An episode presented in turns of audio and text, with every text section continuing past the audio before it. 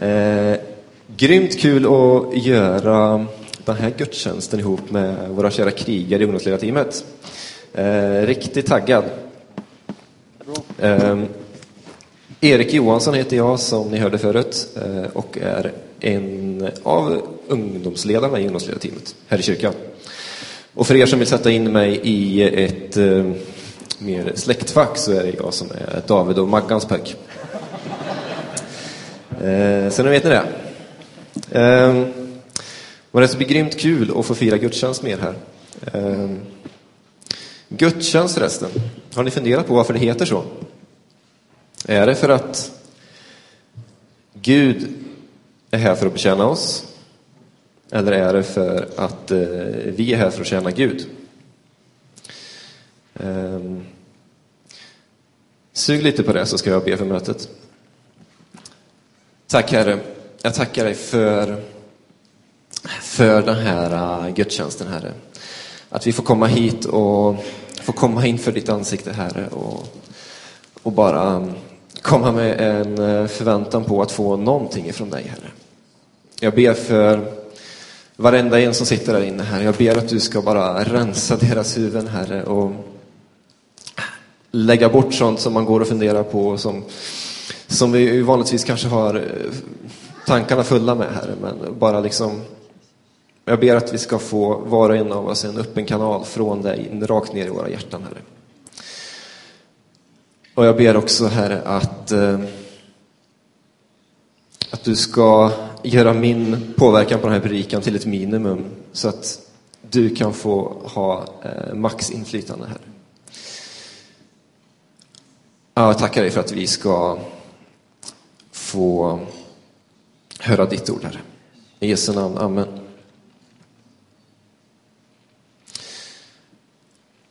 Ja, vi kanske spoilade svaret lite grann innan när Stefan kom och intervjuade oss här. Men eh, jag tänker att vi går eh, till Bibeln för att få lite svar. Ehm,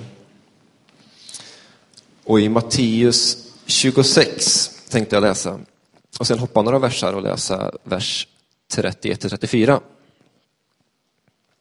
Då står det så här. Se på himlens fåglar, de sår inte och de skördar inte och de samlar inte i lador.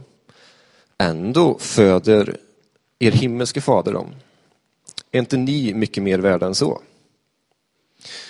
Gör er därför inga bekymmer och fråga inte vad ska vi äta eller vad ska vi dricka?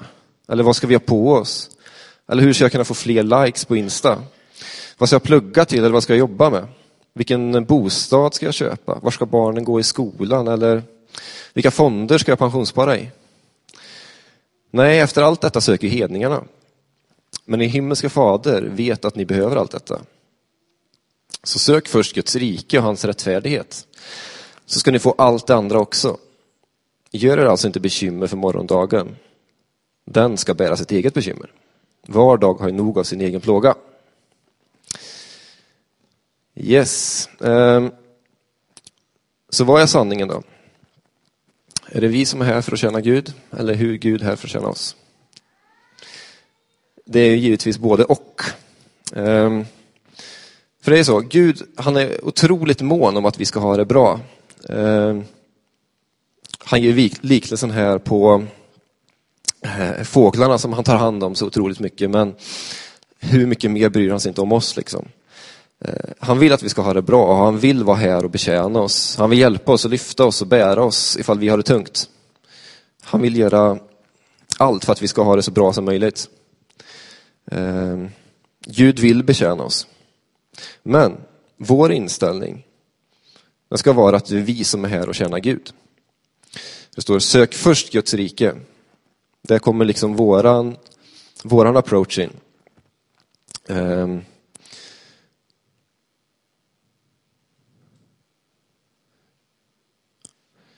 Så då kommer vi till eh, rubriken som jag satte på min del av predikan. Vi är här för Gud. För det är ju så. Jesus han är vår Herre och vi är hans tjänare. Men det är så lätt att vi blir centrerade runt oss själva och våra egna bekymmer. Eh, och bara så ni vet så predikar jag till mig själv nu, sen får ni lyssna om ni vill. Liksom. Men eh, eh, Jag tänkte fokusera lite grann på själva gudstjänsten. idag. Eh, och egentligen så kanske den viktigaste delen är ju vad som sker mellan gudstjänsterna, liksom i vardagen, i, i, i ja, men i, det, i det vanliga livet om man säger så. Eh, men idag tänkte jag fokusera lite grann på själva gudstjänsten. Och det är så här att i en gudstjänst så är det egentligen helt oväsentligt av vad vi vill ha. För vi är här för Gud. Eh, så det är inte vi som står i centrum.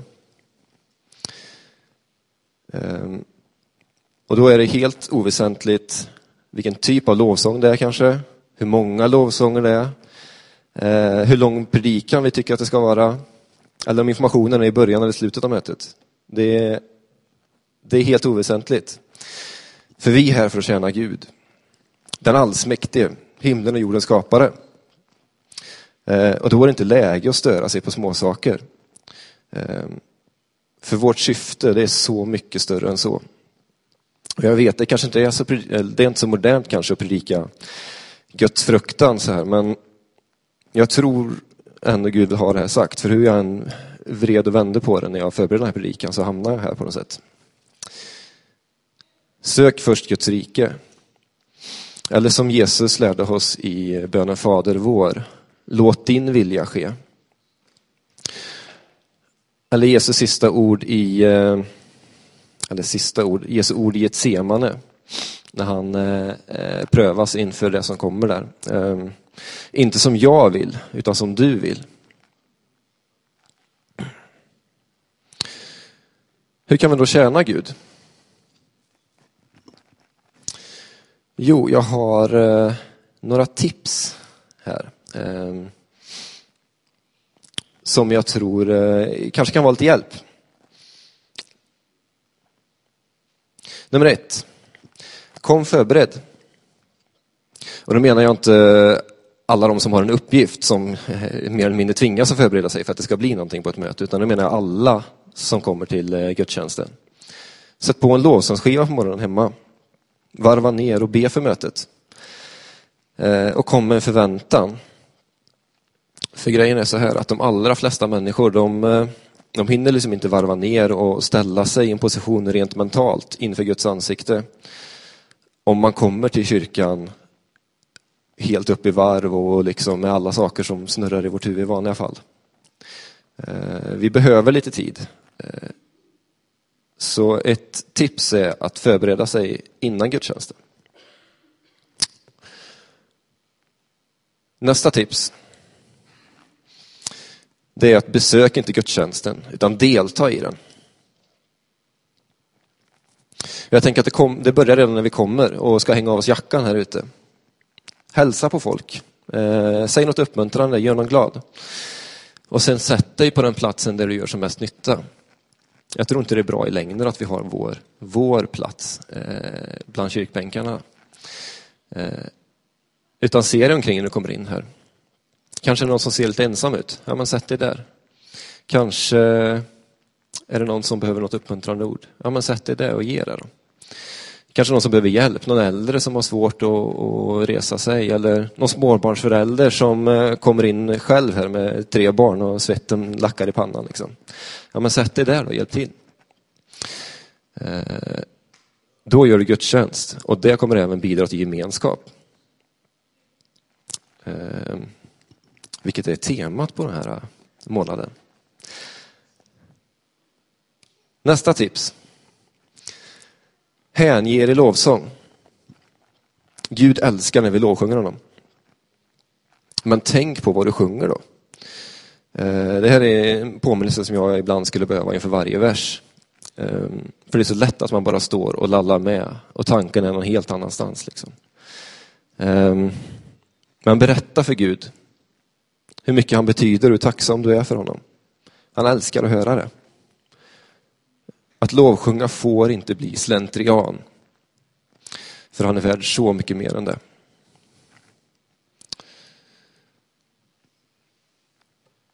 Sista tipset.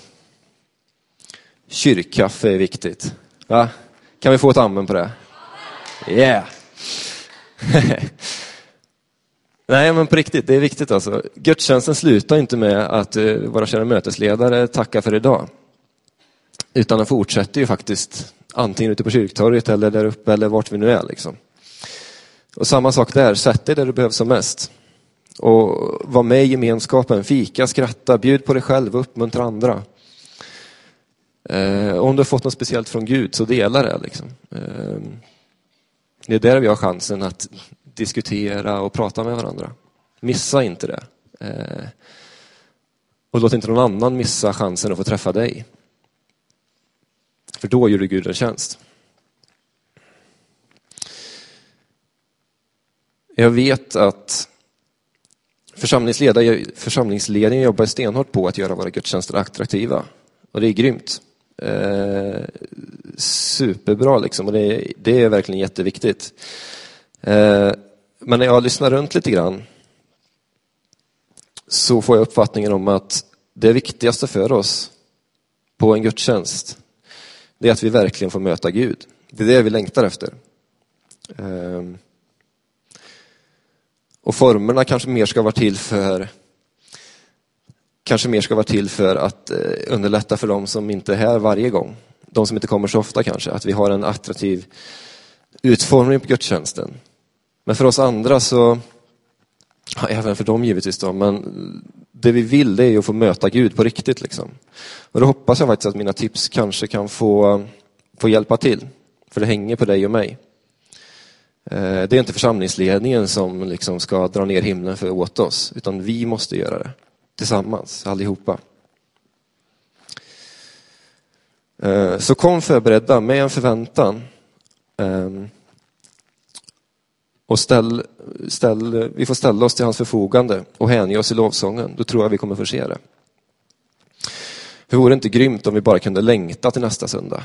Eh, och vara så nyfikna liksom på vad Gud kan ha den här gången. Eh, så att man inte bara avverkar ytterligare en söndag, liksom, utan att ja, Sunday Funday som Susara brukar säga. Det är det man ska se fram emot. Vi är här för Gud. Nu ska Sara prata lite grann om att Gud är här för oss. Vilket är superviktigt, för utan det så kommer det inte gå bra alls.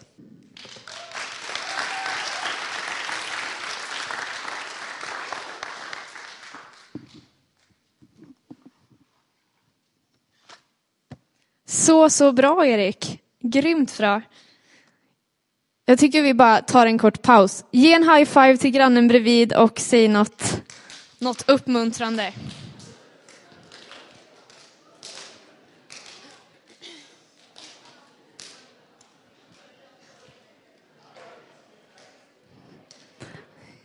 Gött. Gemenskap är temat för den här månaden och jag vill bara börja med att säga att jag är så sjukt tacksam för att få tillhöra den här gemenskapen.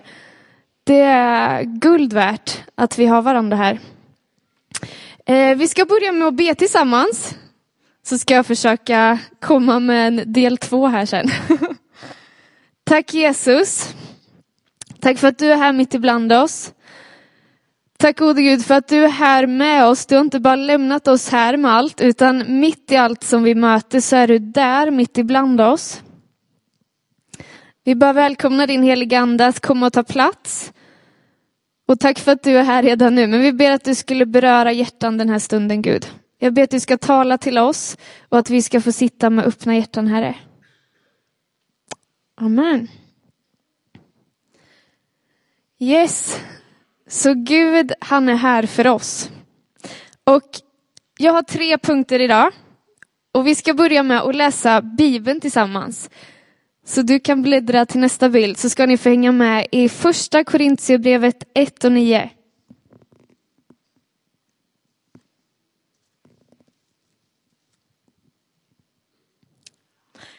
Gud är trofast, han som har kallat er till gemenskap med sin son Jesus Kristus, vår Herre. Och där kommer första punkten in.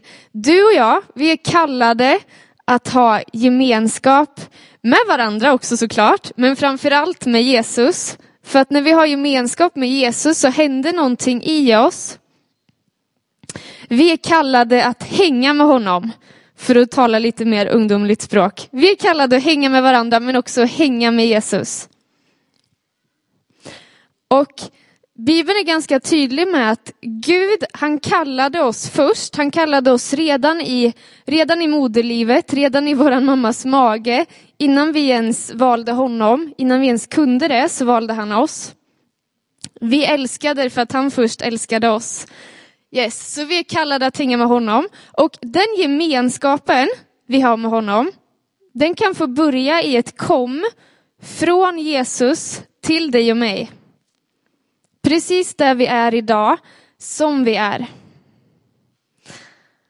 Och det är min andra punkt. Jesus säger kom. Jesus hade ju lärjungar som, ja, men som hängde ganska mycket med honom. De fick lära känna varandra väldigt bra. Och en dag så funderade jag på att ja, men så här, undra hur deras relation började, för de hade ju ett före där de inte kände Jesus så bra och ett efter där de kände han väldigt bra. Och jag tänkte att vi skulle läsa hur det var för i alla fall två av lärjungarna. Mer hinner vi inte ta idag, men hur det var för två av dem. Och då ska vi läsa i Matteus 4 och 18. Nu blir det väldigt mörkt här, men jag läser för er så, så ni kan hänga med också. De första lärjungarna. När han vandrade ut med Galileiska sjön fick han se två bröder, Simon som kallas Petrus och hans bror Andreas. De stod vid sjön och fiskade med kastnät, för de var fiskare. Han sa till dem, kom och följ mig.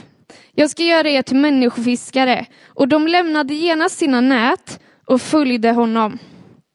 Här har vi alltså två helt vanliga killar som sen blev två av Jesu lärjungar. Och hur började deras relation? Jo, det börjar med att Jesus säger kom till dem. Och det jag tycker är häftigt i det här stället i Bibeln är att ja, men de var fiskare, de hängde nere vid sjön. Då kommer Jesus dit, mitt i deras vardag och möter med dem där de är. Ibland har vi bilden av att, av att jag behöver komma hit bort för att möta med Gud. Om man är i en situation där det kanske är kaos, det kan vara, ja men ni vet hur livet är, det är upp och ner. Då tänker man ibland att, men om jag bara fixar till det där, eller om jag bara kommer lite mer hitåt, då kanske det funkar. Men Jesus kom till dem där de var, mitt i vardagen, i all enkelhet. Och det jag vill säga med det är att jag tror att Jesus vill säga idag att han vill möta med dig där du är, just nu. Där kan vi få komma och hänga med honom. Och sen är Bibeln fylld av olika berättelser. Vi kan läsa i, i Johannes 11, tror jag det står, om Lazarus. Och Lazarus han blev till slut sjuk, som gjorde att han gick bort. Och människorna i hans närhet, Marta och Maria och massa mer, de var helt förstörda liksom. De var, ja men det stod att de sörjde och de var, ja men helt förstörda. Så de hade begravt honom i, jag tror det var som i en klippa, lagt stenar för. Och sen fyra dagar senare så kommer Jesus dit. Och man kan ju bara tänka att de kände så här, bara, kommer du nu? Det, det är lite för sent. Men Jesus ser bortom det. Han kommer dit fyra dagar senare och så säger han till dem så här, ta bort stenarna. Och de, deras respons är så här, nej men det går inte. Han, han har legat sjuk i fyra dagar, eller han har legat död i, i fyra dagar, det luktar liksom. Men han, han säger igen bara, ta bort stenarna. Och sen så ropar han till Lazarus, Lazarus kom ut. Och han kommer, från att ligga död så får han livet tillbaka och kommer och möter Jesus. Och ibland så går vi igenom situationer där det kan kännas som att det här är helt kört. Det är dött liksom. Men jag tror att mitt i det, om vi släpper in Jesus så kan han vända det. Så att det går från död till liv. Oavsett vad du går igenom. Det kan handla om relationer, om sjukdom, om dålig ekonomi. Det kan vara vad som helst. Men Jesus kan få vända det om vi släpper in honom så han får ta plats mitt i det. Sen har jag en tredje och en sista punkt. Det finns mer. Livet med den helige ande. Innan Jesus lämnade, lämnade jorden så, ja, men så pratar han om att han ska sända den heliga ande. Och jag tänkte att vi skulle läsa det stycket också. I Johannes 16 och 5.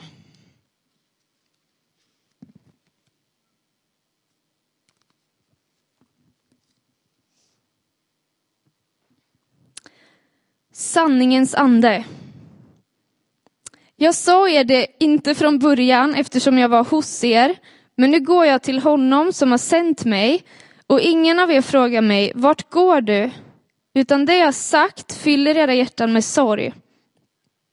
Men jag säger er sanningen, det är för ert bästa som jag lämnar er. Ty om jag inte lämnar er kommer inte hjälparen till er.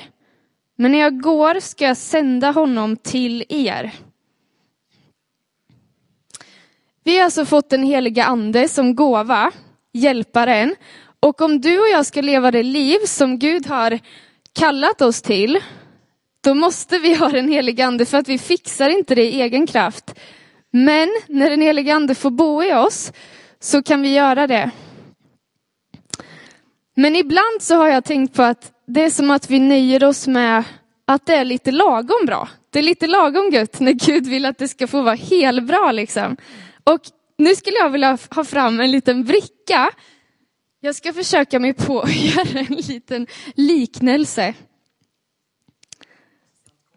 Tack så mycket Karl.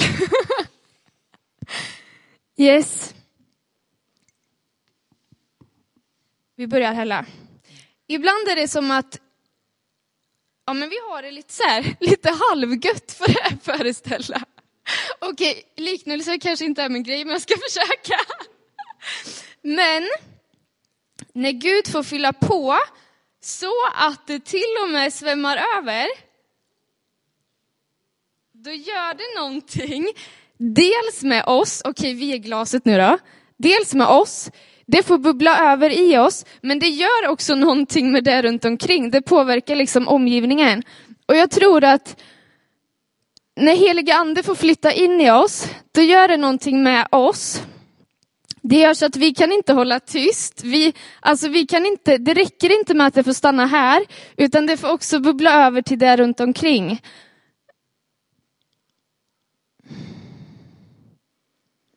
Bibeln pratar om att vi ska ha liv och liv i överflöd. Och precis så är det verkligen. Det behöver inte stanna vid lite halvbra, lite halvgött, utan det kan få bli helbra. Den heliga ande vill bo i dig. Dels för egen uppbyggelse, men också för att när din vän är sjuk så kan du få vara med och lägga handen på han eller hon. Och genom att den heliga ande bor i dig så kan den här personen få bli frisk. Och när din, när din vän behöver ett tilltal från Gud, vilket kan vara livsavgörande ibland. Jag har fått jättemånga tilltal som har varit rakt in i min situation, där Gud verkligen har ja, men gjort att jag har vågat ta det där nya steget eller kasta mig ut i någonting som känns jätteläskigt. Och precis så är det, du kan få vara med och, och vara den personen som talar Guds sanning in i människors liv. Genom att den helige ande får flytta in i dig. Och eh, ja, men livet med den helige ande är sjukt spännande. Jag skulle kunna berätta så många, så många grejer som jag har varit med om och som jag har fått se Gud göra. Men vi får ta mer av dem en annan dag. Men som sagt, Gud är här. Vi är här för Gud. Vi är här för att tjäna honom. Men han är också här för oss. Han lämnar oss inte bara mitt i allt det där, utan han visar så konkret att han är här för oss och han håller genom allt. Yes. Det var det jag hade.